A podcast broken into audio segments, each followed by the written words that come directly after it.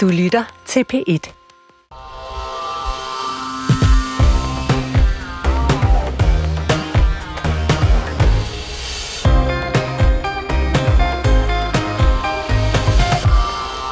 Har Lars Løkke Rasmussen givet en bestemt kapitalfond en forlomme i det grønne og lukrative ræs om opsætningen af havvindmøller? Det var bare et af de spørgsmål, som en bred opposition ville have svar på på det samråd, som Lars Løkke deltog i for cirka et døgn siden, eller som Morten Messerschmidt formulerede det.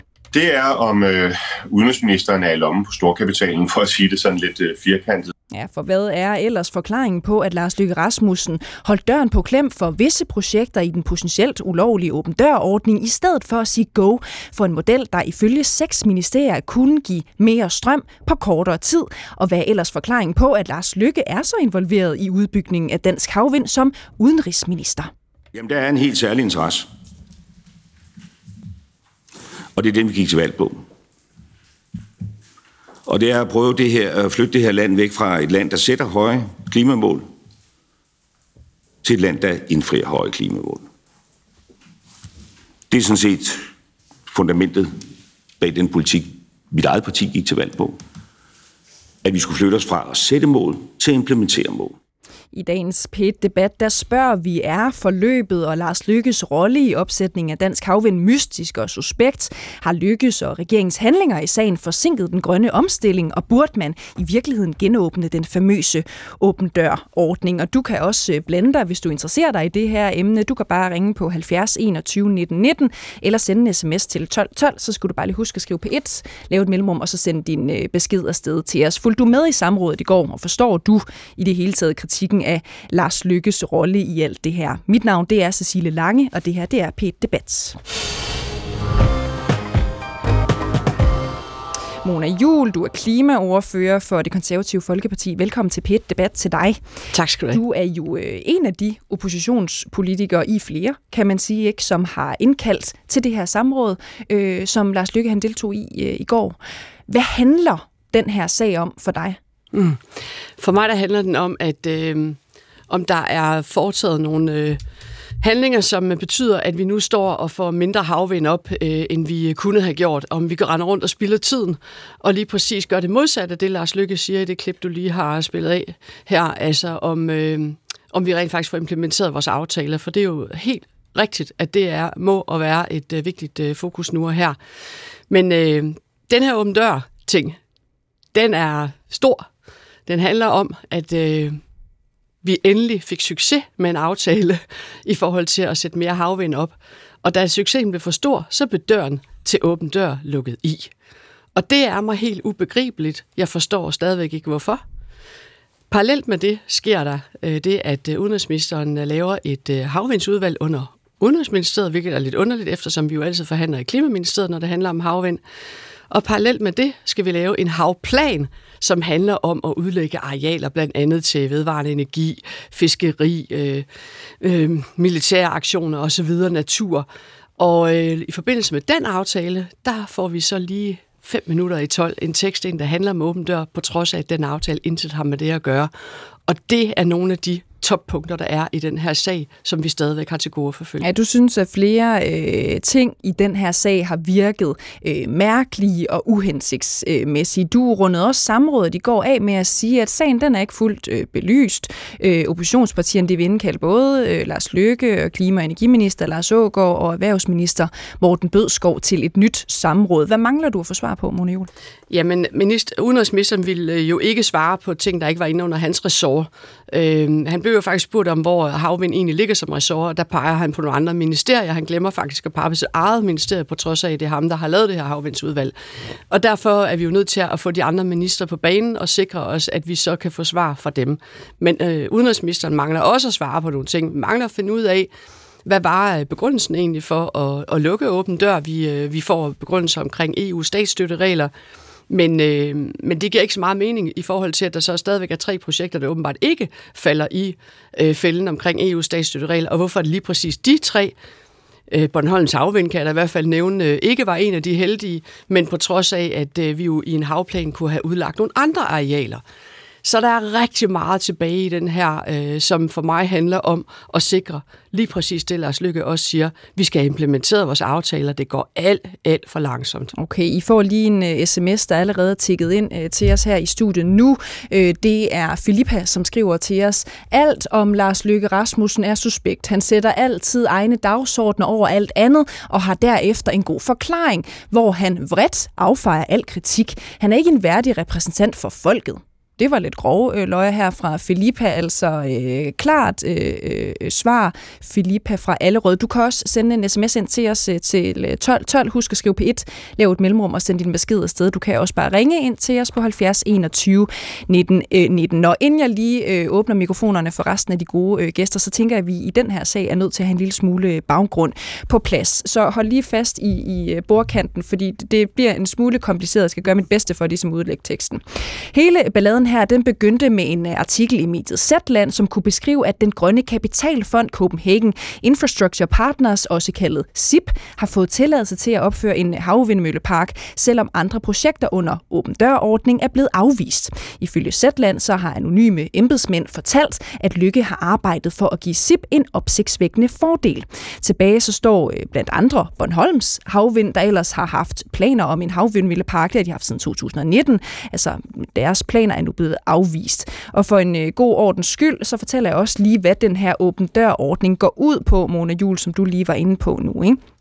Fordi den kommer vi til at tale en del om i dagens øh, program. Åben dør-ordningen blev indført i 1999 som et alternativ til det statslige udbud, altså hvor staten bestemmer, hvor en vindmøllepark skal ligge henne. Det særlige ved den her åben dør-ordning er så, at projektet skal ske på udviklers eget initiativ, for egen regning, for egen risiko, uden at staten skal støtte projektet. Men tilbage i februar, så blev den her åben dør-ordning altså sat i bero af Energistyrelsen under mistanke om, at ordningen var i i strid med EU-retten om statsstøtte. Og alligevel så er det altså lykkes for SIP, og to andre øh, projekter at få den her særlige tilladelse. Lad mig lige øh, starte med at, at høre dig, øh, Claus Rieskær, erhvervsmand, øh, debattør og tidligere medlem af, af Venstre. Hvad handler den her sag om for dig? Altså, øh, taler vi sagen om samrådet og Lars Lykke, hvis det er det, vi tager udgangspunkt i, så politisk set, så er jeg jo egentlig tilfreds med, at han fik skubbet et par projekter igennem, fordi jeg er jo ikke enig i, at man har lukket en åbne dør. Så politisk set, der er jeg jo sådan set enig i det, der er gjort. Jeg synes så, det er forfærdeligt synd, at Bornholmeren ikke kom med, og mange andre. Men det er den politiske del. Hvis vi går over og taler til det her med, om der har været særlige interesser, øh, som Lars Løkke har varetaget, så synes jeg desværre lidt, at Lars Løkke Rasmussen ligger, som han selv har ret. Fordi man skal huske på, at øh, da han går ud af Venstre, så øh, tager han en stilling som, øh, skal vi sige, konsulent, særlig rådgiver til et større advokatfirma, som er øh, kraftigt specialiseret på det her helt specielle område, vi taler om her, som drejer om vindenergi og helt taget udvikling af, af, af, af de her ting her. Og det bliver han betalt for. Og det, han stod nok på et tidspunkt i sin karriere, hvor han måske troede, hey, jeg er måske på vej en anden vej, og politik er på vej ud, og Øh, sådan en øh, chance der hos Goresen Fæderspil øh, som særlig rådgiver, det er altså ikke til 25.000 om måneden. Det kan jeg godt sige. Det er heller ikke en halv million om året, det er mere. Og så er det jo klart, hvis man som arbejdende parlamentariker går ind på en eller anden måde i en lobbyistfunktion, det er jo det, det er, så synes jeg, vi har et problem. Jeg kan huske, at jeg selv sad i parlamentet helt tilbage, for jeg ved ikke, hvornår lang tid siden. Allerede dengang diskuterede vi det. Så jeg synes, han har lagt sig selv et meget uheldigt sted. Når vi så går til øh, indholdet af det, øh, så hører vi, at Lars Løkke i går gentager igen og igen i samrådet, jamen, jeg har ikke modtaget betaling, men så kommer bisætningen. Det er sådan rigtig Lars Løkke, det her. Eller Clinton kunne det også være. Jeg har ikke modtaget betaling fra CIP, Copenhagen Infrastructure mhm. Partners. Mm-hmm. Hele, hver gang han gentager det, så sørger han for om, om, om, ud, om hyggeligt at få den forudsætning med. Og selvfølgelig har han ikke modtaget betaling fra dem. Men han siger jo ikke, jeg har ikke modtaget betaling. Fordi det er jo klart, at hvis du har været særlig rådgiver... Hvad betyder det? Det forstår jeg ikke. Jo, men det betyder følgende, at hvis du er særlig rådgiver for et advokatfirma, som på deres egen hjemmeside øh, annoncerer med, at de har været rådgiver på John Venture mellem Vestas og Copenhagen Infrastructure Partners. Det vil sige, at de repræsenterer Vestas. Og Vestas samtidig, hvis du går ind i årsregnskabet på Copenhagen Infrastructure Partners, er en af partnerne en stor investor i. Har du selv tjekket det her? Det har jeg selv tjekket. Mm. I går. Ja. Så hvis vi, jeg må tage for at forbehold for, at ja, det med er på hjemmesiden, der lavet om min fart nu, men øh, det, i går var den i hvert fald sådan. Og jeg undersøgte også årsregnskabet i går, netop fordi, at jeg havde en souci, som man siger på fransk, en tvivl. Okay. Og det tog ikke mange sekunder at finde ud af. Og der er det jo bare, jeg siger, at hvis du rådgiver et advokatfirma, så, så opstår der den her problem med, at en ting er, at vi har et rådgivningsproblemstilling, når man er parlamentariker, men det andet, det er gennemsigtighedsproblemstillingen, Okay. okay. fordi det kommer til at, at virke som en front, en Okay. front om man så må sige. Godt. Det bliver en Stormy Daniels Øh, Peter Mogensen, velkommen til dig også øh, her til P1 Debat, øh, direktør i Tænketanken øh, Kraka. Du er også politisk kommentator på TV2 øh, News. Er den lidt søgt, den øh, fortælling, Claus Riskær har her om, øh, hvordan tingenes øh, tilstand er, hvordan tingene hænger sammen Jeg øh, undrer- for Lars Løkke? Jeg undrede mig egentlig over, hvad, hvad Claus skulle lave i det her program, og spurgte ham også udenfor, øh, hvad i himlens navn skal du? Nu, nu forstår jeg meget bedre. Altså, øh, med den udlægning der, det må jeg sige, det, det er virkelig stærk kost, ikke? Øh, hvis man skal se det fra udenrigsministerens side, øh, det Claus siger. Og øh, altså, lad mig sige på den måde, der er jo sket nogle, øh, der er jo nogle uhensigtsmæssigheder, som også er dokumenteret i den her Zetland-artikel. Mm-hmm. Og det er jo det, det hele kredser om, det er de her øh, uhensigtsmæssigheder. Og derfor øh, er vi jo, altså i Danmark er vi jo ikke vant til, at øh, ledende ministre eller andre ministre for så vidt er under mistanke for korruption, eller på anden måde modtage, lave, lave forlommer eller tjenester for nogen, øh, medmindre der er et fagligt øh, godt øh, grundlag, som embedsmændene har lavet, og man dermed kan sige, det giver virkelig god mening. Det her. Så små, hurtige manøvrer, det er vi ikke vant til. Og øh, jeg må sige, jeg har virkelig svært ved at forestille mig, at udenrigsministeren har lavet en eller anden øh, for smart manøvre. Øh, det ville virkelig være tosset ud fra en hver tænkelig øh, øh, målestok. Og derfor kalder tiden vel på, at han i stedet for, at Mona slæber ham i det ene samråd efter det andet, at han så selv, ligesom øh, han har gjort tidligere, når han har haft øh, ting, han skulle udrede, indkalder til et, øh, et godt pressemøde og gennemgår systematisk, hvad er egentlig forholdene omkring det her. Det savner vi lidt, sådan så det bliver hans udgave, man forholder sig til, og ikke at han sidder og skal, man slæber det ud af ham trin for trin i et meget langt samråd, og nu kommer der et til, Øh, det står han så simpelthen ikke ved, og det tror, synes jeg heller ikke dansk... Øh, altså, politik står så heller ikke ved det der, fordi de uregelmæssigheder, du øh, nævnte før, skal jo suppleres med det forhold, som jo efter vores i Krakas øjne er det vigtigste. Åben dørordningen giver ikke mulighed for, at staten, fordi der er gået nogle år siden 99, da mm-hmm. den her blev indført, for overhovedet at få gang i et eller andet kystnært. Ikke store projekter som dem her, men kystnært. Der er sket meget siden da. I dag betaler man, altså lave vind, vind ud af vindenergi. Det er ligesom at købe en liter letmælk ned i Netto nu om dagen, så nemt er det, og commodity. Så det er ikke en stor øvelse, det her. Det er bare at lave et udbud. Og med dagens udbud, mm. der får staten indtægter. Og det er jo det, det handler om, det her. Det er, man snyder staten for indtægter uden udbud. Og det er der hele humlen ligger, og det tror jeg godt, Lars Løkke er helt med på i virkeligheden. Og Lars Løkke har jo også øh, udtalt, øh, inden hele den her ballade, han sådan set ikke mm. synes, at øh, selve ordningen var... Øh, super duper hensigtsmæssigt. Men jeg kan godt tænke mig, fordi, fordi øh, Peter Mogensen, øh, Claus Risk er jo ikke den eneste, som står øh, bag den her øh, teori mm. om, at der kan være et eller andet fækumdæk i det her. Vi har også hørt det fra Peter Velblund. Vi mm. har også øh, hørt det fra øh, DF's øh, Morten Messerschmidt. Vi så ja. jo også i går i forbindelse med samrådet faktisk en ret, sådan som jeg tolker det, irriteret Lars Lykke. Han synes, at nogle af de spørgsmål, der bliver stillet, er både grænseoverskridende og også tenderende til injurierende. Ja. Er du enig med Lars Lykke i, at man går langt måske udokumenteret for nogle af oppositionspartierne i at skyde ham noget i skoene? Altså, jeg synes jo, hvis man ser på den politiske virkelighed, hvis det er den, vi kigger på. Jeg kan godt forstå, at Mona Jol, hun går efter, så at sige, skyde efter benene her, øh, og de andre politikere også gør. Det kan jeg godt forstå, fordi Lykke har bragt sig et sted hen. Men der er jo også en anden virkelighed. Det er jo selvfølgelig, øh, det er jo, det er jo virkelig nogle hårde øh, anklager, der mm. ligger nedenunder og, og udanske på alle måder. Og derfor har det selvfølgelig offentligt, det er også derfor, vi står her i dag, derfor har offentlighedens interesse i det øvrigt tema, meget, meget menneske, få mennesker forstår indholdet af, altså ingen forstår, hvad det går ud på, men folk forstår godt en kritik, en mulig mistanke af udenrigsministeren, og derfor, så vil jeg sige, øh, jeg har kolossalt svært ved at forestille mig, at øh, udenrigsministeren har været så let sindig at bringe sig selv i en lidt for smart øh, øh, manøvre her, men jeg synes, det er op til ham at dokumentere, at det har han selvfølgelig ikke gjort, men jeg forstår til fulde, at de andre politikere selvfølgelig går efter ham i det, i det format, de gør her.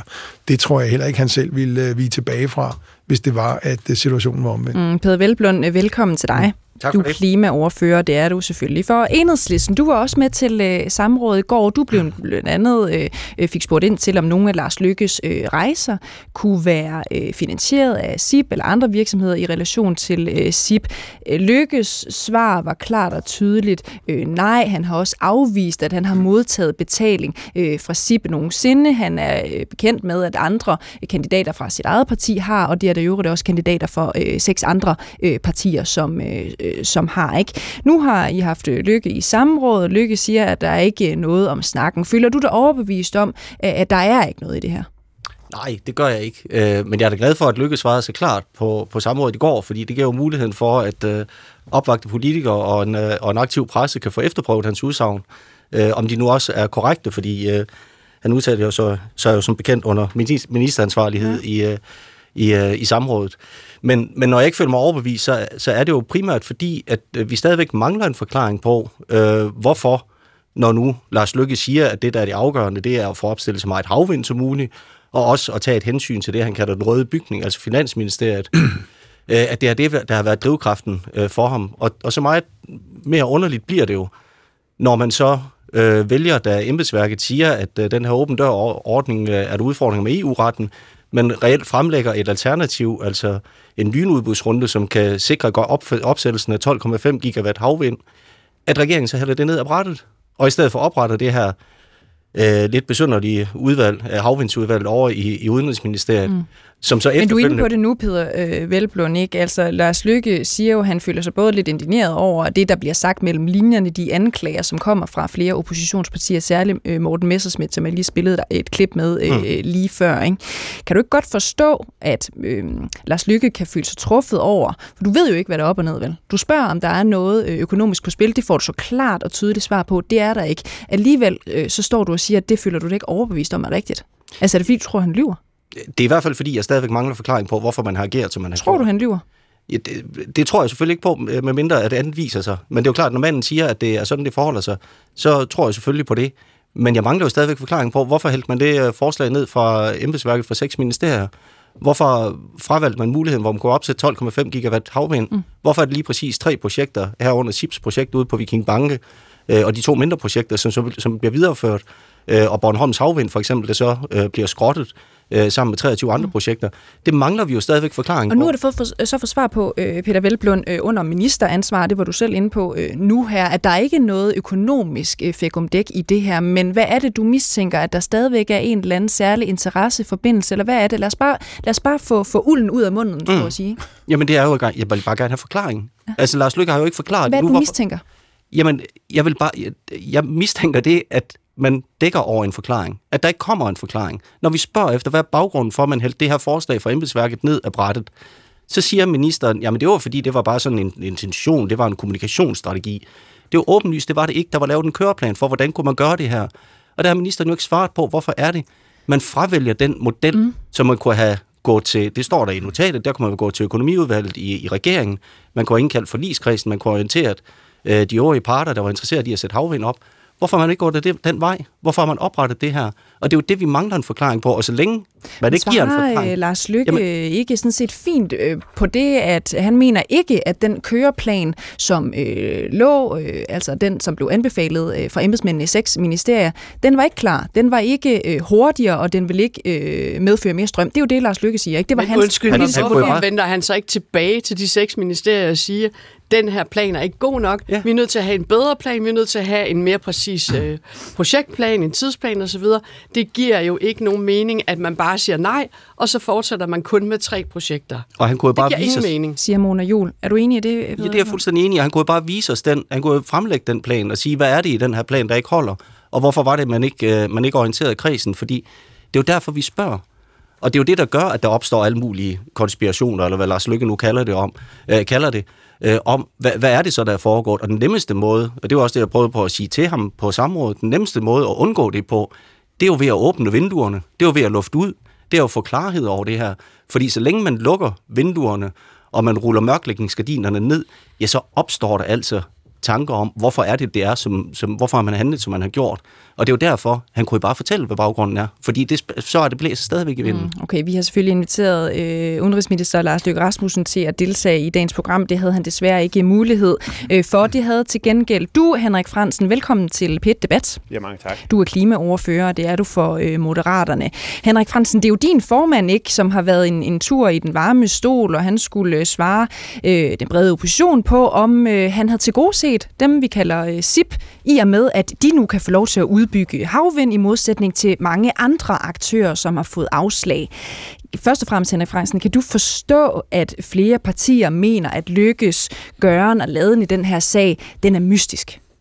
Jamen, jeg kan jo godt forstå, hvis man læser Zetlands artikel, at man øh, tænker, hold da fast, øh, der sker der virkelig noget her, det øh, kan da ikke passe. Øh, men når man så har, jeg deltog i øh, den første time af samrådet i går, øh, overvejet de, synes jeg, rigtig gode forklaringer, som øh, Lars Løkke Rasmussen kom med her, så er det jo altså, øh, så er der jo altså gode forklaringer hele vejen rundt. Øh, at man så også oven i det begynder at mistænkeliggøre omkring øh, partistøtte, og at mm. Lars Løkke skulle have modtaget partistøtte fra, øh, fra, fra SIP for at, at komme med her. Der er jo gode, øh, seriøse forklaringer på, hvorfor man lige præcis går videre med de tre projekter. Men at man så vælger at mistænkeliggøre øh, sådan der, det synes jeg måske, det er sådan at gå lige øh, langt nok øh, ja. i min verden. Og, og der svarer Lars Løkke jo, og der svarer Lars Løkke jo også meget, der svarer Lars Lykke jo også meget, meget, meget præcist på, om, øh, om øh, han har modtaget støtte fra, mm. fra SIP, om øh, partiet har, og om erhvervsklubben har, ja. eller om de er medlem af erhvervsklubben. Og der siger han jo entydigt, nej til alle tre ting. Ja, han svarer klart og tydeligt nej til, øh, at han har modtaget støtte netop fra, fra SIP. Øh, men han siger jo også, at der er nogen, det er han bekendt med, der er nogen fra partiet, der har modtaget støtte. Har du modtaget støtte, Henrik Fransen? Jamen altså, øh, jeg har med al den partistøtte, jeg har fået, der har jeg overholdt loven til punkt og mhm. prikke. Mm, det... Og jeg vil hverken øh, bede eller afkræfte nogen af dem, hvor man kunne finde på at spørge om, om jeg har fået øh, partistøtte. Okay. Det er et uh, fortroligt emne uh, mellem dem, der giver os og mig. Men jeg vil så også sige, der må jo også sidde fem partier i Folketinget. Det kan være endda de to, der er til stede her i dag i, i studiet, mm der må være fem partier, der jo har samme, øh, hvad skal man sige, problematik. Og det kunne da være spændende at spørge Mona Jul for eksempel, om hun eller nogen i hendes parti har, har modtaget partistøtte ja, fra, det fra kan vi da, det kan vi da gøre lige om et øjeblik, øh, Henrik Fransen. Forskellen er jo, at, øh, at hverken Mona Jul eller øh, Peter Velblund sidder i regering og sidder med de her havplaner og udvælger, hvem der må bygge havvind. Nej, men nu spurgte du, du, nu spurgte du mig konkret. Ja. Nu spurgte du mig konkret. Vil du ikke svare på spørgsmålet, og, Henrik Fransen, og, og, og, om du har modtaget støtte fra SIP? Og jeg sidder jo ikke i det der havvindsudvalg. Nej. Øh, jeg, er ikke en, øh, jeg sidder ikke som minister i regeringen. Er og så på, på samme måde kunne man jo tilsvarende spørge de andre, som heller ikke sidder i det udvalg, og som heller ikke er minister bare lige med dig, Henrik Fransen. Vil du ikke sige, om du har modtaget støtte fra øh, SIP som kandidat for Moderaterne? Har Jamen, det? Jeg, har, jeg, jeg har svaret en gang, at jeg vil ikke komme ind på... Øh, jeg har modtaget partistøtte fra forskellige sider, men jeg, jeg, vil ikke, dem, jeg vil ikke komme ind... Du kan jo bare sige det, Henrik Frans. Det er jo fuldstændig lovligt og, og alt muligt andet. Men jeg kommer ikke ind på, øh, hvor jeg har fået partistøtte fra. Okay. Det er et uh, fortroligt forhold mellem dem, der har givet mig. Ja, hvordan kan det egentlig være, at du ikke vil svare på det? Jamen, øh, det er bare et princip. Det er en aftale, man har, når man får partistøtte med dem, der giver. Øh, så længe man holder sig inden for de regler, der er, for de øh, grænser, der er. Øh, øh, er det over de der 22.200 eller 22.800 der, jamen, så skal det jo offentliggøres. Det er der helt klare regler for. Øh, så det, det er jo heller ikke det, jeg spørger ind til, Henrik Fransen. Det er sådan set bare, om, om du har modtaget, hvad hedder de der 21.000, eller hvad det nu er, ikke? Og, og hvorfor det er problematisk at fortælle det. Der, I går jo ind for mere gennemsigtighed, og, og, og det er jo også noget af det, som debatten her i dag handler om. Ikke? Så, så opstår der ikke konspirationer, hvis man bare fortæller det ud i det åbne. Så hvorfor vil du egentlig ikke fortælle, om du har modtaget støtte? Altså, du mener konkret støtte fra SIP, Lige går præcis, jeg ud fra. Ja. Ja. Og jeg kommer ikke til hverken at be- eller afkræfte, om jeg har modtaget øh, partist, eller det er jo så øh, til mig personligt, øh, eller til min valgkamp, mm-hmm.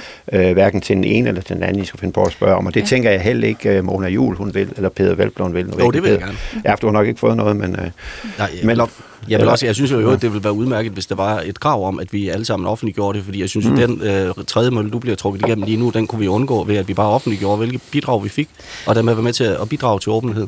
Og det, jeg spørger om Henrik Fransen, det er også, øh, nu, nu både Mona Jul, tror jeg faktisk sidder og nikker, og det samme gør øh, Peter Velblom, de vil godt lige om lidt fortælle, om de har fået støtte fra, fra SIP. Så det er også lidt nysgerrig på, det er egentlig, hvorfor vil du ikke fortælle? Du siger, du vil hverken bede eller afkræfte, om du har fået øh, støtte fra SIP. Hvorfor vil du ikke det? Jamen, øh, det vil jeg ikke øh, med nogen af dem, som, øh, som jeg har fået, fået, fået støtte fra i valgkampen. Nej. Det er en aftale, man har med dem, der har givet. Og begynder jeg at afkræfte nogen, så kan man jo lynhurtigt begynde at spørge den, den, den, den, den, den, den og så er der en tilbage til sidst. Mm. så derfor så vil jeg ikke hverken øh, svare ja eller nej. Mm. Er du bekendt med, hvem der ellers har modtaget støtte fra, fra Moderaterne? Er det en viden, du øh, ligger ind med? Jamen, øh, jeg kunne jo høre i går, at, øh, at øh, der, var, der var flere, eller, eller der var i hvert fald mindst en. Øh, øh, og det er ikke en viden, jeg øh, har konkret, må jeg gerne sige. Så, Ej, så, så tæt ved... er jeg ikke på, på den slags ting. Nej, så Nej. du ved det ikke? Jeg ved det ikke, nej. Nej, okay. Øh, Lykke mener jo, at der bliver insinueret nogle øh, dybt grænseoverskridende ting på det her samråd. Ikke? For eksempel, at han skulle være i lommen øh, på nogen i det her tilfælde, er det så SIP. Øh, hvorfor skulle man ellers fravælge sådan en ordning her, der anbefales af seks ministerier, og som skulle øh, skaffe mere strøm og være hurtigere og gennemføre? Så kan du ikke prøve at, at forklare nogle af de... Øh, handlinger, som er, som er begået øh, fra, fra Lykkes side. Så hvordan giver det mening? Jamen, jeg synes jo egentlig, Lykke forklarer det rigtig godt på, på samrådet i går, at der jo lige præcis ikke er tale om en færdig plan til, hvordan man kan, øh, kan, kan åbne døren igen, bare for at bruge billedsprog. Øh, at det er tale om nogle intentioner, om en kommunikationslinje og nogle hensigter osv. Øh, og, og det er jo det, han siger i går, og det er jo det, der er faktum i det her også, at det er jo ikke en færdig plan som man bare lige kan sætte i værk her. Mm. Du, du skal også lige svare på en sidste ting, og så spiller jeg bolden videre her rundt i, i studiet, Henrik Fransen, fordi der sker jo det, det har Mona Jul også lige været inde på tidligere i studiet, ikke? det er den 7. juni i sidste øjeblik, øh, der ændrer man i havplanen, altså ved at tilføje et nyt punkt om at stoppe de øh, åben dør-projekter, der var stillet i bureau, uden at informere aftalepartierne øh, om det. Hvorfor gjorde I det? Ja, nu har jeg jo ikke set med ved bordet Ej, ja, der, så, så, og jeg var ikke om, klimaoverfører på det tidspunkt, vil jeg gerne sige.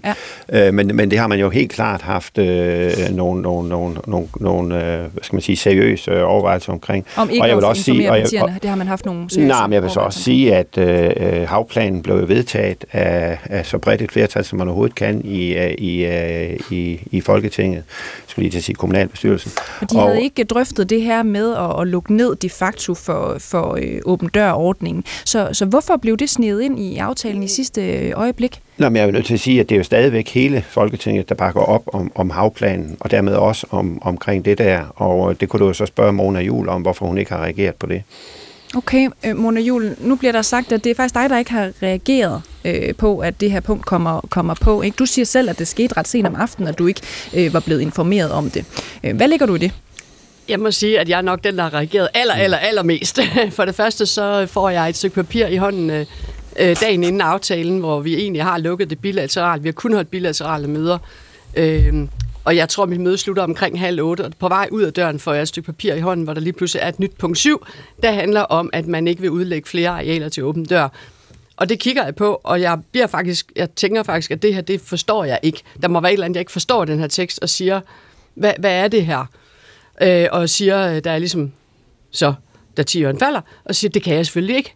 Det går jo ikke det her, ah, men nu skal du lige, og det ene og det andet og sådan noget. så jeg føler, at jeg bliver vaflet ud af døren, og så går jeg i gang med at ringe til andre partier, til interesseorganisationer, øh, til folk, der kan hjælpe mig med at finde ud af, hvad vender op og ned på. Er der nogen, der mm. ved noget, jeg ikke vidste om den her åben dør-ting? Øh, det er der ikke. Folk er i chok. Jeg arbejder med nogle andre tekster, jeg sender over til ministeren. Der bliver ikke, øh, det bliver ikke taget imod. Om morgenen øh, sender jeg igen et, øh, et nyt udkast til en, øh, en tekst, øh, og jeg bliver ringet op af, af Morten Bødskov, det var i hans ministerie, det foregik, og for at vide, at det her, det kan ikke ændres, det er sådan, det er.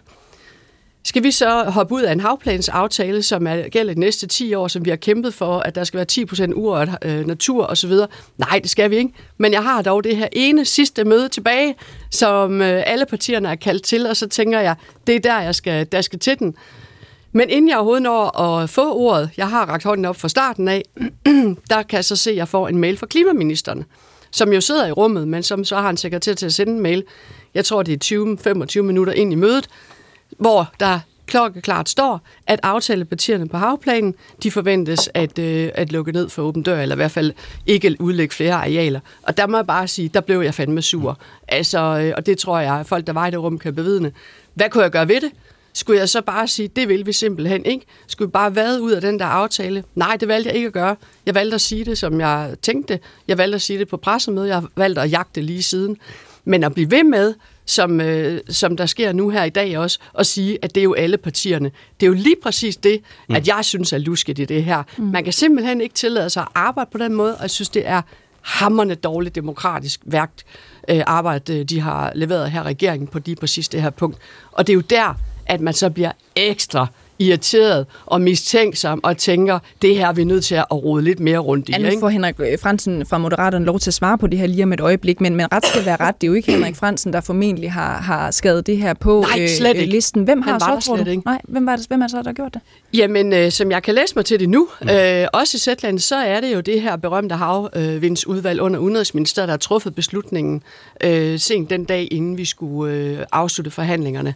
Og det må jeg da sige, det er da ret overraskende, fordi udenrigsministeren sad ikke i de forhandlinger. Det gjorde erhvervsministeren, det gjorde miljøministeren, og det gjorde klimaministeren. Mm. Inden vi lige hopper helt ned i den her åbne, øh, nu lukkede åbne dør-ordning, øh, som, som øh, var, men som altså ikke øh, fungerer lige nu, så, så jeg kunne godt tænke mig bare lige have jer to til at svare på, for det, det synes Henrik Fransen sådan set også kunne være øh, spændende, om I ikke vil fortælle, øh, om I har fået øh, støtte fra, fra SIP.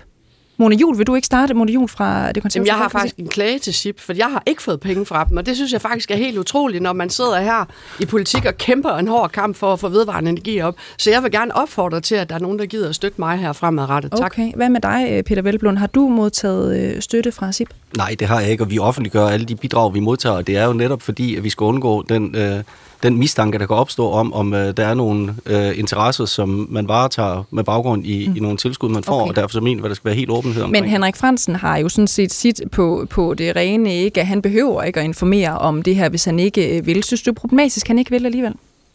Ja, altså det synes jeg, det er jo derfor, vi opfordrer alle partier til at offentliggøre, hvad man får af, af bidrag, og det kunne jo netop være en vej til at få ændret lovgivningen, så, så det bliver et krav. Øh, men der er jo ikke noget, nogen, noget, der forhindrer nogen i at, at offentliggøre, hvad man får af bidrag, og det vil jeg klart opfordre til, det gør vi selv. Altså, når der er en sag, så er det selvfølgelig interessant, om der er nogen, der har fået bidrag eller ej. Altså, øh, men, men for mig, der er det ikke afgørende. Mm. Altså, jeg mener godt, at man kan øh, agere habilt, øh, på trods af, at man har fået, øh, fået penge af forskellige aktører. Og det er jo helt legalt, at, at Henrik ikke vil oplyse, hvad han har fået, når det er, hvis det er nogle midler, der er under de der 22.000.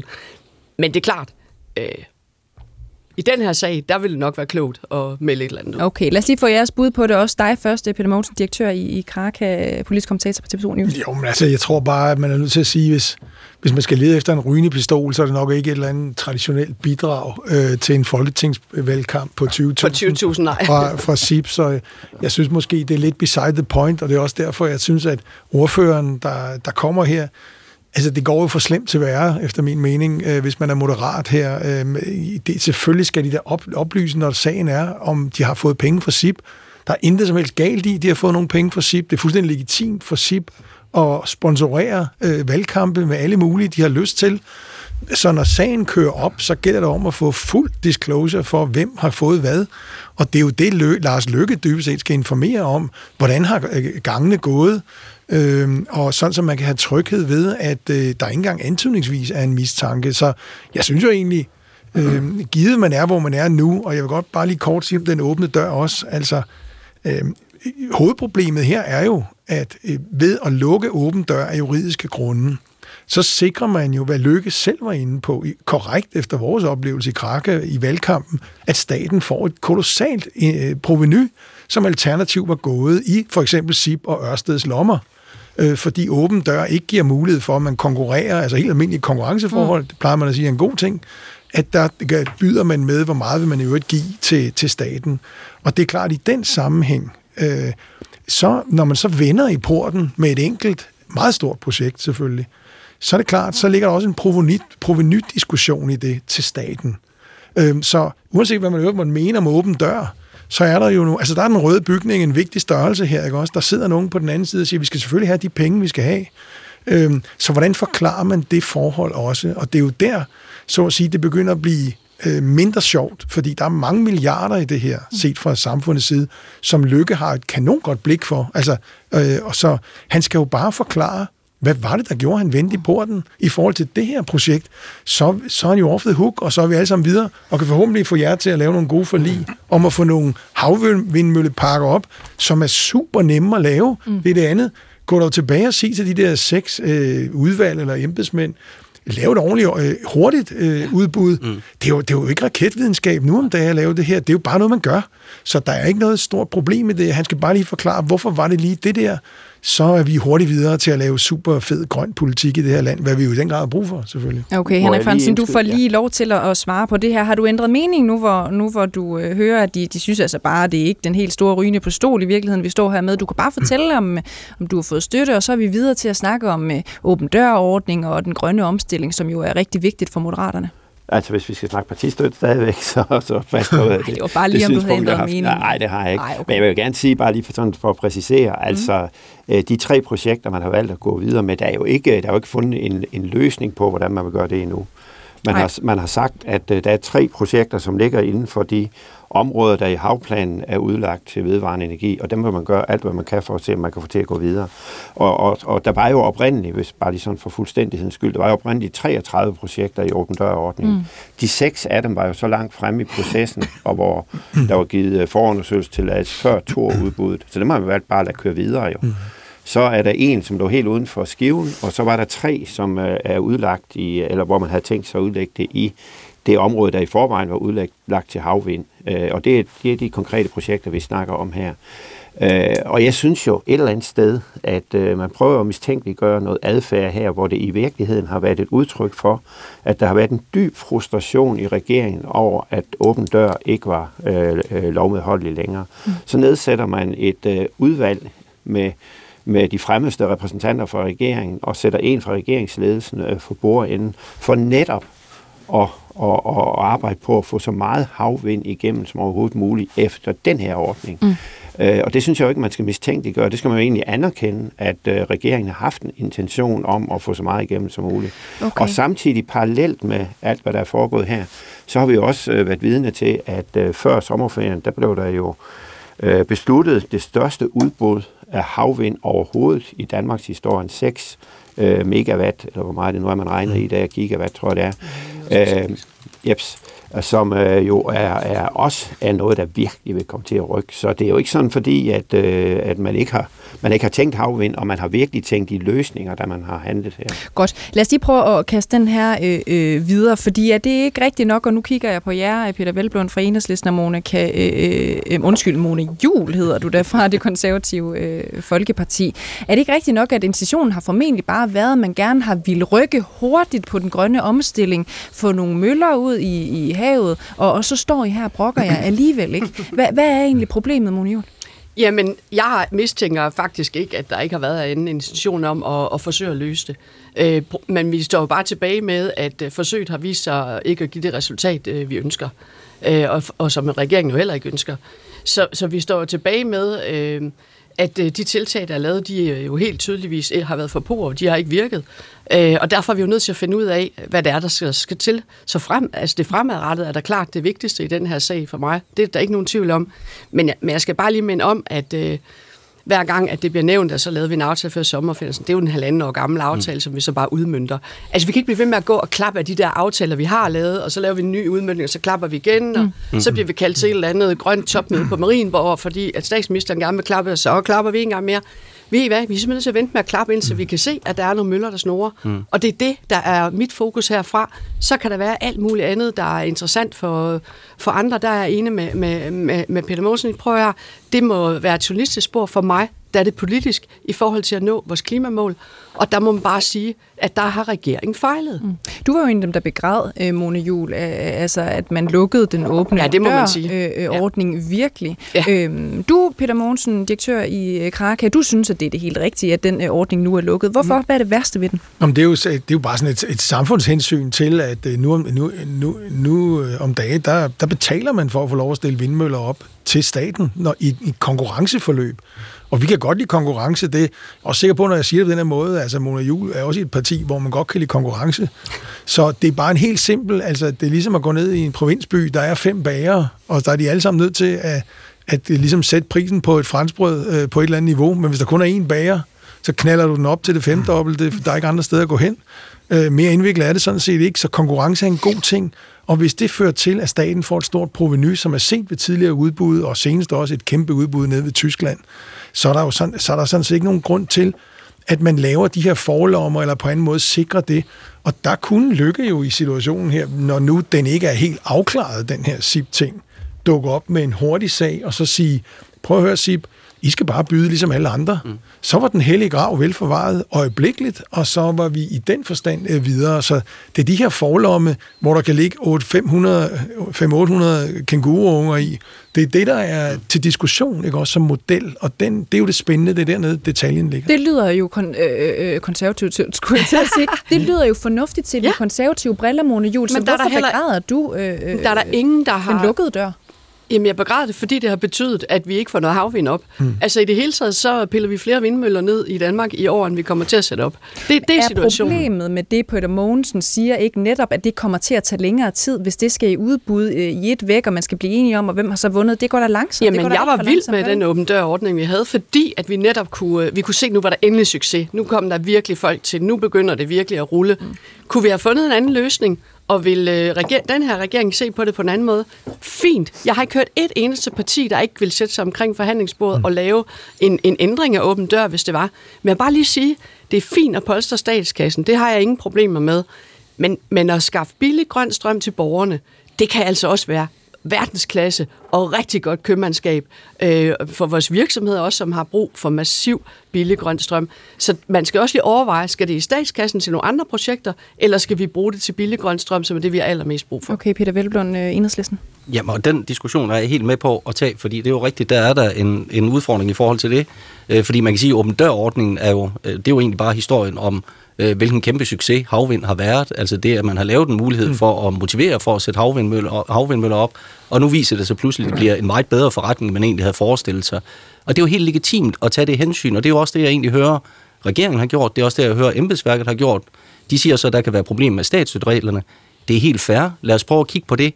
Hvis det så viser sig, at det er sådan, ja, så anbefaler de jo en model, som dels skal sikre, at vi fortsat får opsat 12,5 gigawatt øh, og at det er i overensstemmelse med EU-reglerne, og som også vil kunne give et proveny til statskassen. Og det er jo det, der er det springende punkt i det her. Altså indtil da har intentionen jo været rigtig. Der hvor problemet det bliver, det er, hvorfor er det, man hælder det ned ad brættet? Mm. Og hvorfor er det, man begynder at opfinde forklaring om, at jamen, det var bare sådan en kommunikationsstrategi. Gud, var det der ej? Altså det kan vi jo se fra det notat, der ligger, at det var jo en model, der kunne bruges. Hvorfor er det, man skrotter den? Og hvorfor er det så, man laver den her anden model, som så rejser alle de der spørgsmål om, hvorfor var det lige pludselig SIP og Viking Banke og Winnestage to projekter, der bliver gennemført, alle de andre bliver skrottet.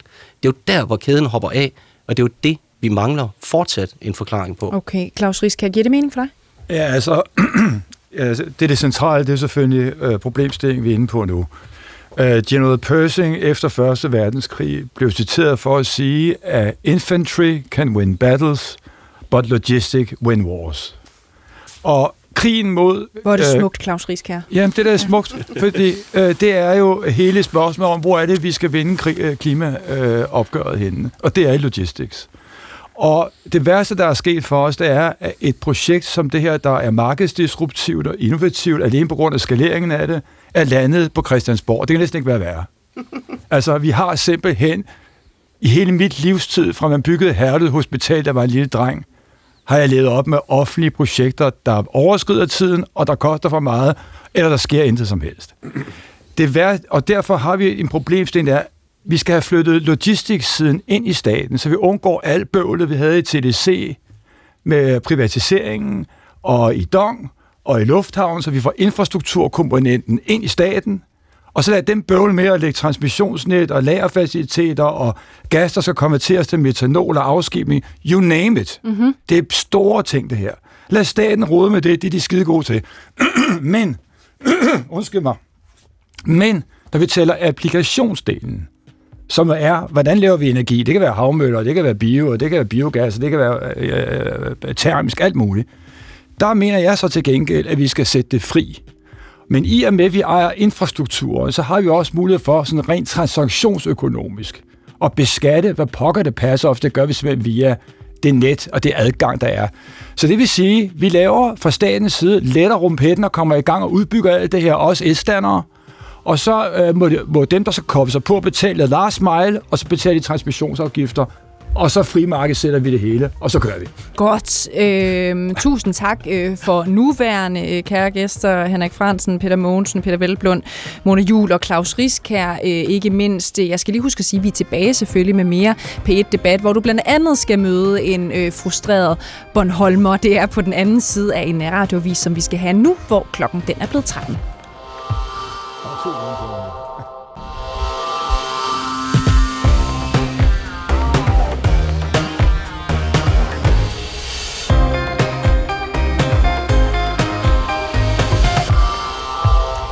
Siden 2019 har lokale på Bornholm arbejdet for at stille ni havvindmøller op øst for øen for at blive selvforsynende med grøn strøm. Men de øh, grønne drømme er bristet, fordi øh, gruppen bag Bornholms Havvind har modtaget et afslag fra Energistyrelsen om at fortsætte mølleprojektet. Hvorfor? Ja, først så troede man, at det hang sammen med, at åben dør-ordningen blev sat i bero i februar måned, grundet mistanke om, at ordningen var i strid med EU-retten om statsstøtte. Men nu tyder meget altså på, at det er en politisk aftale om Danmarks havplan, der har endt med at blive sømmet i kisten for det Bornholmske mølleeventyr. I øh, sidste del af pet debat der spørger vi, nøler Lars Løkke og regeringen i den grønne omstilling, og burde man genåbne den famøse åben dør-ordning? Mit navn det er Cecilie Lange, og det her det er p Debat.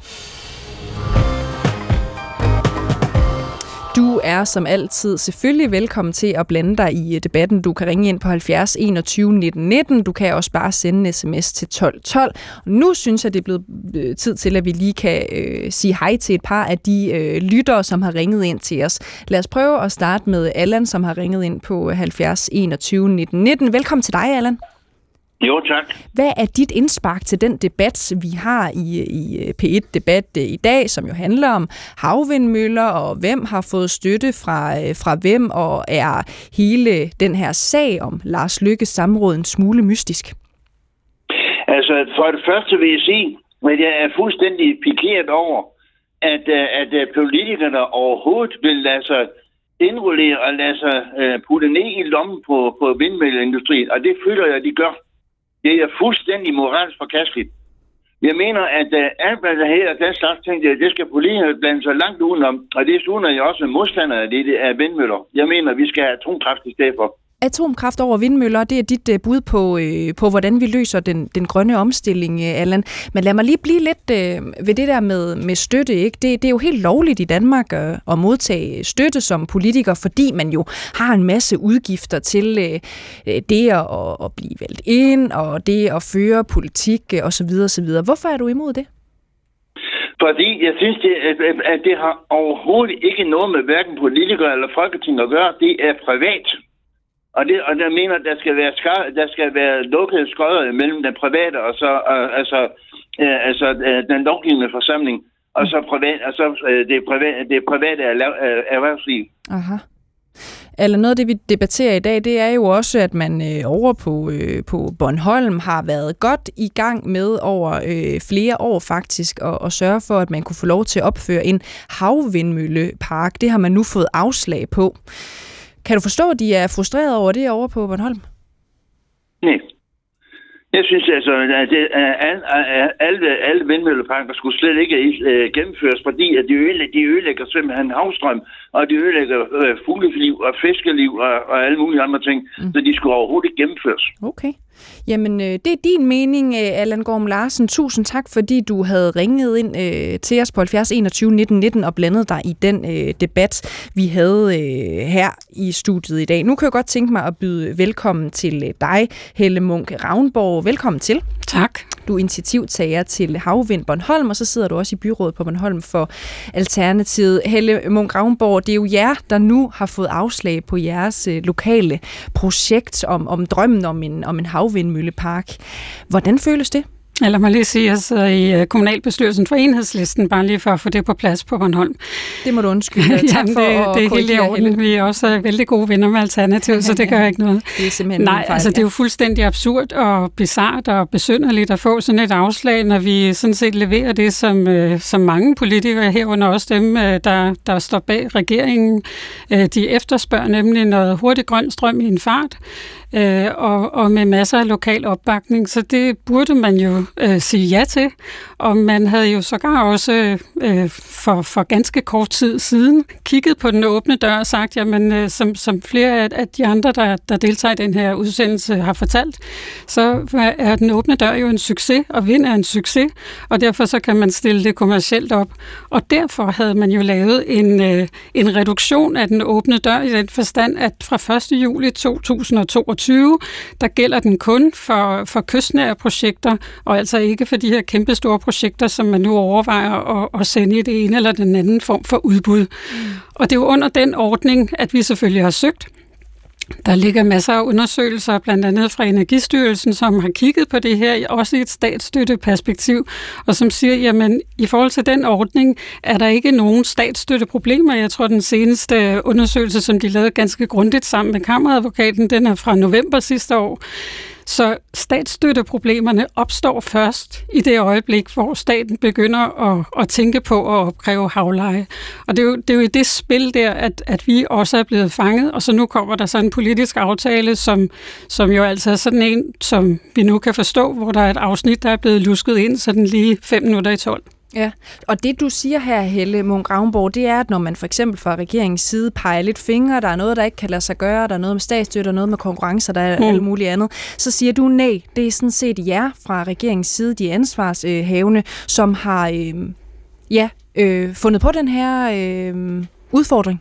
Nej, jeg ved ikke, om de har fundet på det, men i hvert fald så havde man jo netop øh, sat et, et arbejde i gang, øh, fordi man kunne se efter udbuddet med Tor, at der var betalingsvillighed, og, og og jeg synes jo også som skatteborger, at det er rigtigt, og som borger i Danmark i det hele taget, at det er rigtig dejligt, hvis, øh, hvis vores havbund kan komme til at være til vores fælles bedste, og ikke bare til nogle få udvalgtes øh, fortjeneste. Så, så, så point for det. Okay. Øh, men det var jo netop også i det lys, at man så sagde, jamen så skal vi have en åben dørordning, netop fordi vi også gerne vil den her kystnære afvind, og netop fordi vi gerne vil det lokalt forankret. Mm. Fordi det kan skabe ja, øh, en masse god energi, øh, også grøn og vedvarende energi i lokal lokalområderne, så vi også kan få gang i noget hurtigt.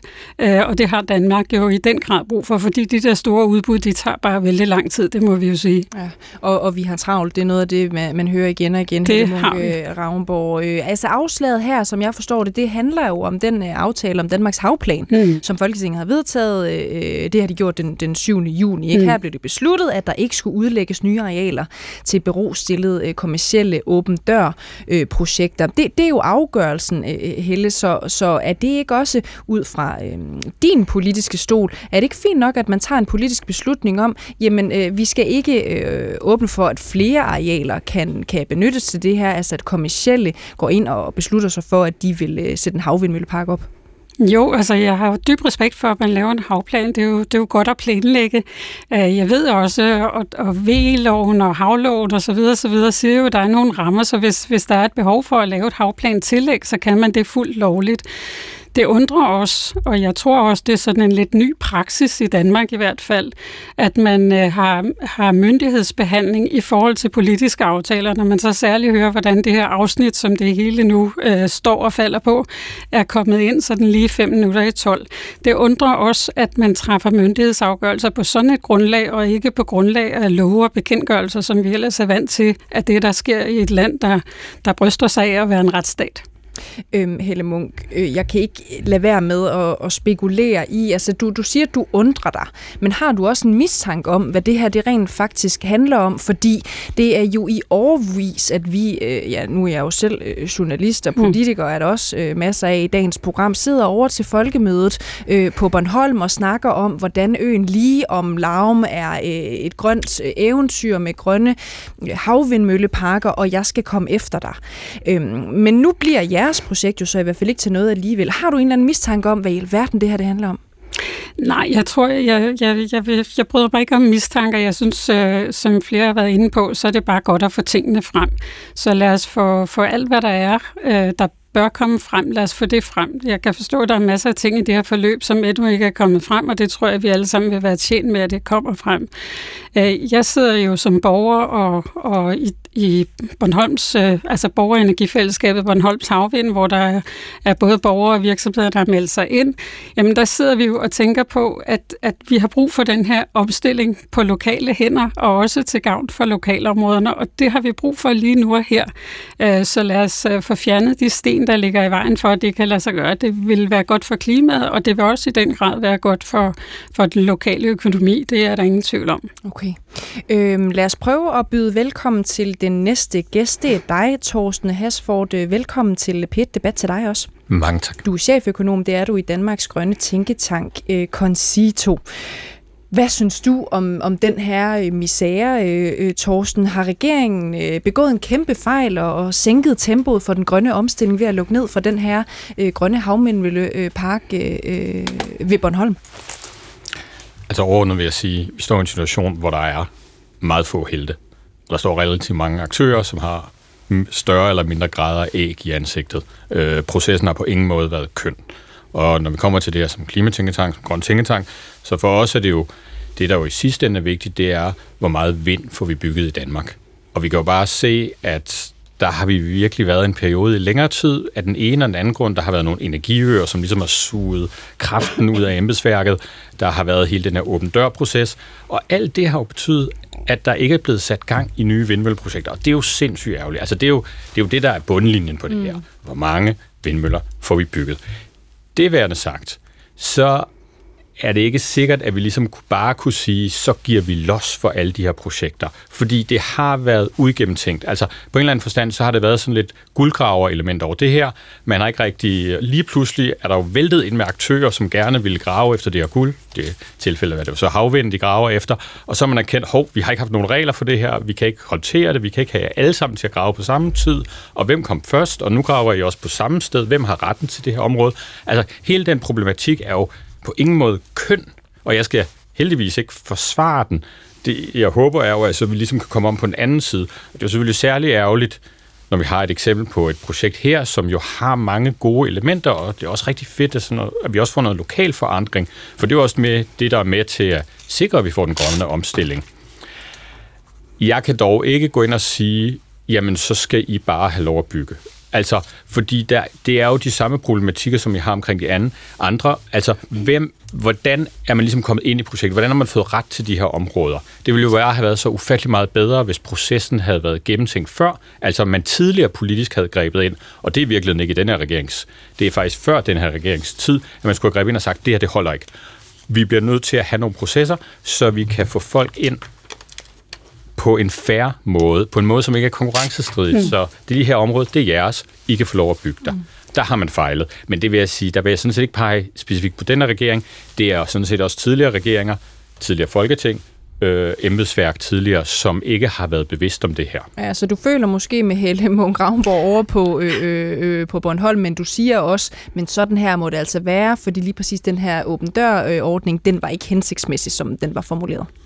Den åben dør kan simpelthen ikke fungere, som den var, øh, desværre. Og der er det jo, at, hvad skal vi sige, har politisk man jo så tabt bolden, øh, og det er sådan set ikke, den her regering kun været her et år, det er sådan set er sket før, før den her regering og jeg behøver ikke spekulere de processer, der har været i den mellemliggende periode, men man burde have været bevidst om det her. Man havde simpelthen ikke øje for, at havvind faktisk er ret attraktivt. Det vi så savner nu er jo selvfølgelig, at man, som Mona jo også var inde på tidligere, okay, men så lad os få bygget nogle, lad os få nogle udbud i gang, lad os få øh, nogle vindmøller op at stå, så vi får nogle, lagt nogle planer i det, så vi kan se dem i horisonten. Mm. Helle Munke Ravnborg, initiativtager til Havvind Bornholm øh, og byrådet for, for Enhedslisten. Øh, hvad siger du til det, Helle? Øh, der, der er både noget rigtigt og noget forkert i det, der bliver sagt, fordi den tidligere regering havde jo sådan set øje på det her. Og det var jo derfor, at man satte gang i at få revideret den åbne dørordning.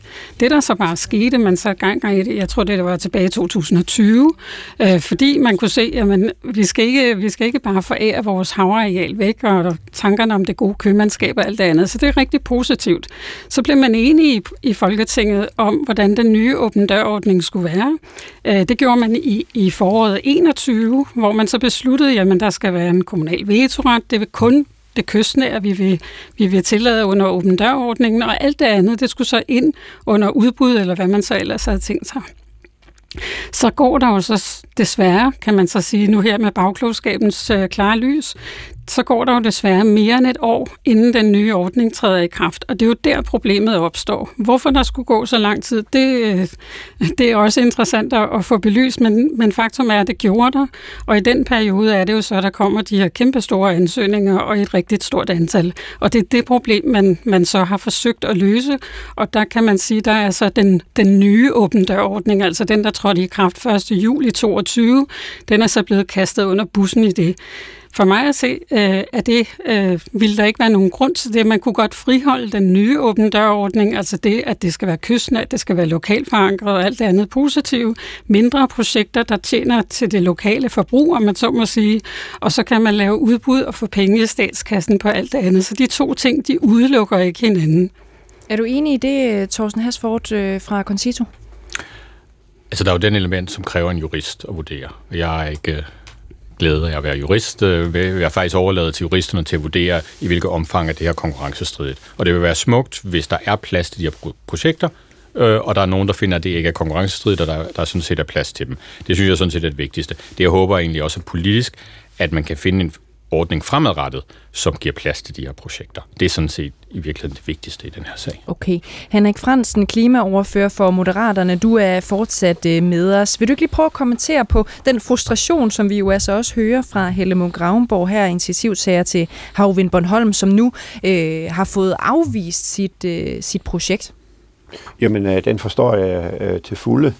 Øh, jeg vil jo give, give Thorsten ret i, at det er ikke det hele, der har været lige smukt her. Der er faktisk meget, der kunne have været øh, meget bedre, men vi kan jo ikke øh, skrue tiden tilbage.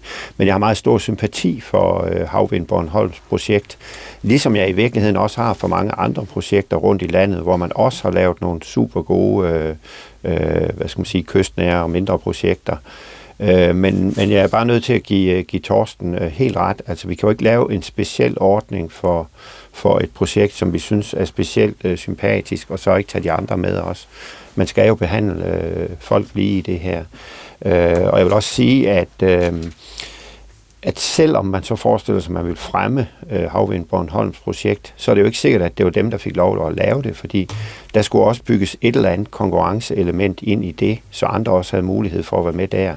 Så det er desværre en meget, meget øh, uheldig situation, øh, Havvind Bornholm er havnet i, Øh, det er kedeligt, at vi er kommet hertil med, med, med det her, og, og det kunne have været håndteret øh, sådan øh, år tilbage jo langt mere elegant, end det er. Men øh, vi står, hvor vi står, og, og der skal ikke være nogen øh, tvivl om, at vi jo i regeringen, også øh, ordfører osv. så videre, jo er meget, meget optaget af, at vi skal have så meget havvind som muligt, så hurtigt som muligt, men mm ting tager altså også tid. Ja. Øhm, noget af det, vi også debatterer i dag, Henrik Fransen, det er det der med, hvorfor er der nogle projekter, som kan få lov til at skyde op, eller i hvert fald undersøge mulighederne for, at man kan gøre det, man kan opsætte en, en havvindmøllepark, og så er der nogen, der ikke kan. Hvorfor er det konkret, bare lige så alle er med, at havvindmølleparken ud for øh, Bornholm, som øh, Helle, Munk Ravnborg og andre har arbejdet på øh, i, i flere år, hvorfor er det, den ikke kan blive til noget? Ja, først øh, vil jeg gerne lige sige, at øh, ansøgning om havvind Bornholm kom altså ind i april måned. Det var jo efter, at den åbne dør den var lukket. Mm. Øh, bare lige sådan for fuldstændighedens skyld. Men udover det, så ligger, så ligger den jo i et område, hvor man har, øh, altså som ikke er udlagt i havplanen til, til, til havvind. Øh, og dermed så er den jo også øh, diskvalificeret på den. Men så også fordi, at vi ikke kan bare øh, sige go øh, for projekter, hvor vi ikke har taget hånd om de øh, statsstøtteretlige øh, øh, ting, som jo gør, at Åben Dør blev lukket der. Og det var jo lige det, jeg var inde på lige før. Altså man kan ikke bare fremme det her projekt og så sige, at andre projekter, som er lignende, der kan ligge, øh, du siger bare ud fra, fra min egen kommune, hvor jeg kommer fra, vi havde også et, et projekt ud fra Rømø, som også er blevet øh, skudt til øh, ned øh, ved hjælp af det her. Altså man kan ikke fremme et enkelt projekt, bare fordi det er sympatisk. Og igen, så øh, vil sådan en, en, en, et projekt som det her, det vil også skulle have et eller andet konkurrenceelement indbygget, så man ikke kan være sikker på, at det er Havvind Bornholm, der får det. Okay. Hvorfor kunne man egentlig ikke bare øh, ja, udlægge nogle flere arealer ud for øh, Bornholm i den der havplan, I, I lavede? Jamen havplanen er jo, øh, hvad er den, 3-4 måneder gammel, øh, blev vedtaget af, af, af hele Folketinget. Øh, og på det tidspunkt var man jo meget optaget af, at man skulle øh, dele, øh, eller få, få lavet en ny fordeling af, af områderne. Man valgte faktisk at fordoble det, det samlede areal, der var udlagt til havvind i den nye havplan i forhold til den gamle. Og der har man jo taget en hel masse balancerede hensyn øh, til andre erhverv. Der er fiskeri, der er råstofindvinding, der er en miljø, øh, naturhensyn også i, i havbunden. Selvom havoverfladen jo ser lige ud, så er det jo meget forskelligt, hvad der er nedenunder.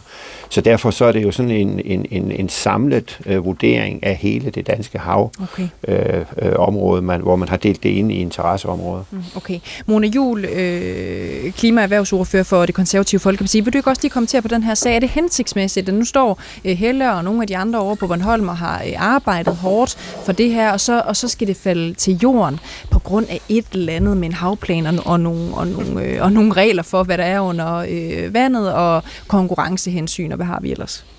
Det er som om, at den her kæmpe store succes med åben dør lige pludselig blev et meget stort problem, og det er jo meget sjældent, at øh, en butik, der har, har masser af kunder, lukker døren og, og slukker. Og det er jo selvfølgelig en, et problem, og jeg synes, at vi øh, sagtens i vores havplan jo kan se på øh, at lave tillæg. Vi kan sagtens øh, udlægge andre arealer end det, der, det, der lå der. Øh, jeg havde ikke øh, i min vildeste fantasi forestillet mig, når nu at åben dør, inden øh, vi lavede den her havplan, var, var uafklaret, at vi så skulle sidde til højde for det. For skulle vi det, så skulle vi jo have set på det med andre briller. Mm. For det er fuldstændig rigtigt, hvad Henrik siger, at der er udlagt en del mere til vedvarende energi på, på havet. Og der havde der helt klart forestillet mig, at vi kunne få tingene til at gå op, når nu den åbne dør ville blive åbnet igen, som jeg havde en formodning eller en forhåbning om, mm. i en eller anden form, øh, hvor... Øh, hvor hvis vi skal tage det for pålydende, at det var statstilskudsdelen, øh, der var et problem, jamen så må man jo konkurrenceudsætte eller finde en anden mm. model på det. Så jeg, altså jeg tror desværre, at der er mange altså investorerne er jo på vej væk fra Danmark, ikke? fordi det kan man ikke leve med det her med, at man, det er jo ikke kun i fortiden, det her, uh, Thorsten og Henrik, det er jo også lige nu, at man oplever, at der er ustabile forhold til at investere i vedvarende energi i Danmark. Det er ikke særlig hensigtsmæssigt. Det andet, det er jo, at der er rigtig mange borgere, der står tilbage, ligesom man gør på Bornholm, så gør man det mange andre steder, fordi vi ikke har været dygtige nok til at sikre, at uh, hvis man for eksempel får solceller uh, op i nærheden af sit hus, at så falder værdien måske, at vi har ikke fået løst de der ting. Nej. Det er vi så i gang med at kigge på nu. Men jeg tror bare, at manges initiativer, manges glæde ved at være en del af den grønne omstilling, skal man ikke underkende. Og jeg tror desværre, at der er mange, der sidder derude nu og tænker, at jeg prøvede jo at gøre det, og vi har også en overskudsvarme her, og det kunne vi heller ikke få lov til. Så det er meget, meget vigtigt, at vi politisk får, øh, får simpelthen øh, fikset de ting øh, så hurtigt som overhovedet muligt. Okay. Helle Munk Ravnborg, øh, initiativtager til Havvind Bornholm og sidder byrådet for, for Enhedslisten. Hvorfor er det egentlig vigtigt, at det lige skal være øh, jeres projekt på Bornholm, der får det her, øh, den her mulighed? Altså er det ikke lige meget, hvis udfaldet og ambitionen ligesom er, at der kommer en masse grøn øh, strøm, godt nok med nogle andre havvindmølleprojekter? Jo, det kan man sige. Altså, der, der, der er flere ting i det. Vi ønsker sådan set ikke øh, øh, en, en særbehandling som Bornholms Havvind. Vi mener, at det er utrolig vigtigt, netop for det her lokale engagement, som Mona og, og andre også taler om, Øh, at der er mulighed for, at man lokalt kan tage handling. Og derfor så øh, var vi sådan set rigtig glade for den øh, ændring af den åbne dørordning, som blev lavet der og trådte i kraft i sommeren 22, og som jo altså flere gange også efter er blevet vurderet af jurister og kammeradvokater og alle mulige andre, hvor det er blevet konkluderet, at der i den ikke er statsstøtteproblematikker. Så det er ligesom den ene ting. Hvorfor det er vigtigt med det lokale engagement? Der er nogle øh, yderkommuner i vores land, som ikke har så god en økonomi. Det er rigtig vigtigt for virksomheder at have øh, sikkerhed for deres strømpris. Det er rigtig vigtigt, at nogle af de penge, som man ville kunne tjene på, på energiproduktion, de også bliver i lokalområdet. Fordi det vi jo ser rigtig mange steder, det er, at de penge de forsvinder ud, ikke bare i lokalområdet, men øh, mange gange også ud af landet. Og det er jo ikke i, i vores mm. interesse. Og så er det utrolig vigtigt, at vi alle sammen som borgere og virksomheder har en mulighed for at gøre en positiv forskel øh, i den grønne omstilling. Det tror jeg størsteparten øh, af danske både borgere og virksomheder ønsker sig at kunne, og det giver øh, en masse andre god øh, energi til at tage nogle af de andre grønne tiltag, som vi kan tage i mm. vores virksomheder okay. og i vores hjem. Ja, og Helle Munk øh, Ravnborg, nu nævner jeg det bare lige, fordi vi har faktisk fået en sms øh, her ind i studiet fra øh, en Anders, som skriver ind, at øh, du jo også er politisk valgt formand for Bornholms Forsyning øh, hvem du har bedt om støtte til øh, din private havvindmøllepark. Det er faktisk, fordi han siger, at han synes, du er inhabil. Ja. Øh, vil du ikke lige forholde dig til det? Jo. For det er jo altså, rigtigt nok, ikke? at du sidder sådan set øh, både som øh, formand for Bornholms Energi og, og de altså kommunale udvalg, som jo er tilsynsmyndighed for forsyningsselskabet. Ikke? Jeg er person for Bornholms Energi og Forsyning. Det er fuldstændig korrekt, og det blev jeg den første, nej, det blev jeg i maj måned 22. Den støtteerklæring, vi har, det er en støtteerklæring, som ikke indebærer økonomisk støtte, og den er tilbage fra, fra 2020. Så der, der er ikke et sammenfald der. Øh, så, så habiliteten i den sammenhæng, den, den, øh, eller inhabiliteten, mistanken om den, har ikke rigtig noget på sig. Bornholms Energi og Forsyning er ikke involveret i Bornholms Havvind, som det ser ud lige nu, men, øh, men støtter op om initiativet, fordi vi har brug for grøn energi på Bornholm. Okay, det var altså et svar til Anders, der havde skrevet ind øh, til os, og tak for svaret til dig også, øh, Helle. Lad os lige prøve at byde velkommen til det næste lytter, som har ringet ind til os. Det er øh, Jens. Øh, velkommen til dig, Jens. Ja, hej. Hej. Hvad er dit uh, indspark til den uh, debat, vi har i dag, altså om udbygning af, havvindmøller? Jamen, jeg forstår ikke, at uh, regeringerne i flere år, altså de sidste mange regeringer, de har spændt ben for de her ting. Altså, at de ikke bruger alt deres uh, energi på at, at sikre, at de her projekter kommer i hus. Mm. Det virker jo nærmest som om, at, at de har gjort uh, lige det modsatte. Okay.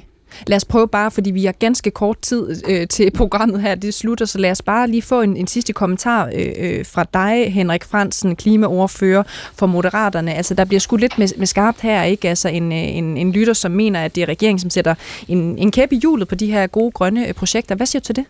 Jamen, man er jo nødt til at respektere, hvis en, en, en ordning, som nu åben dør-ordning, hvis den simpelthen ikke er, er, er i overensstemmelse med de konkurrenceretlige øh, vilkår, der er, statsstøtteretlige vilkår, der er, det er vi jo nødt til som regering at, at få sat en stopper på. Man kan sige, det kunne man jo have handlet på noget før, ja. Men øh, vi, nu stod vi jo der i, i, i februar og fik den meddelelse om, at det var sådan.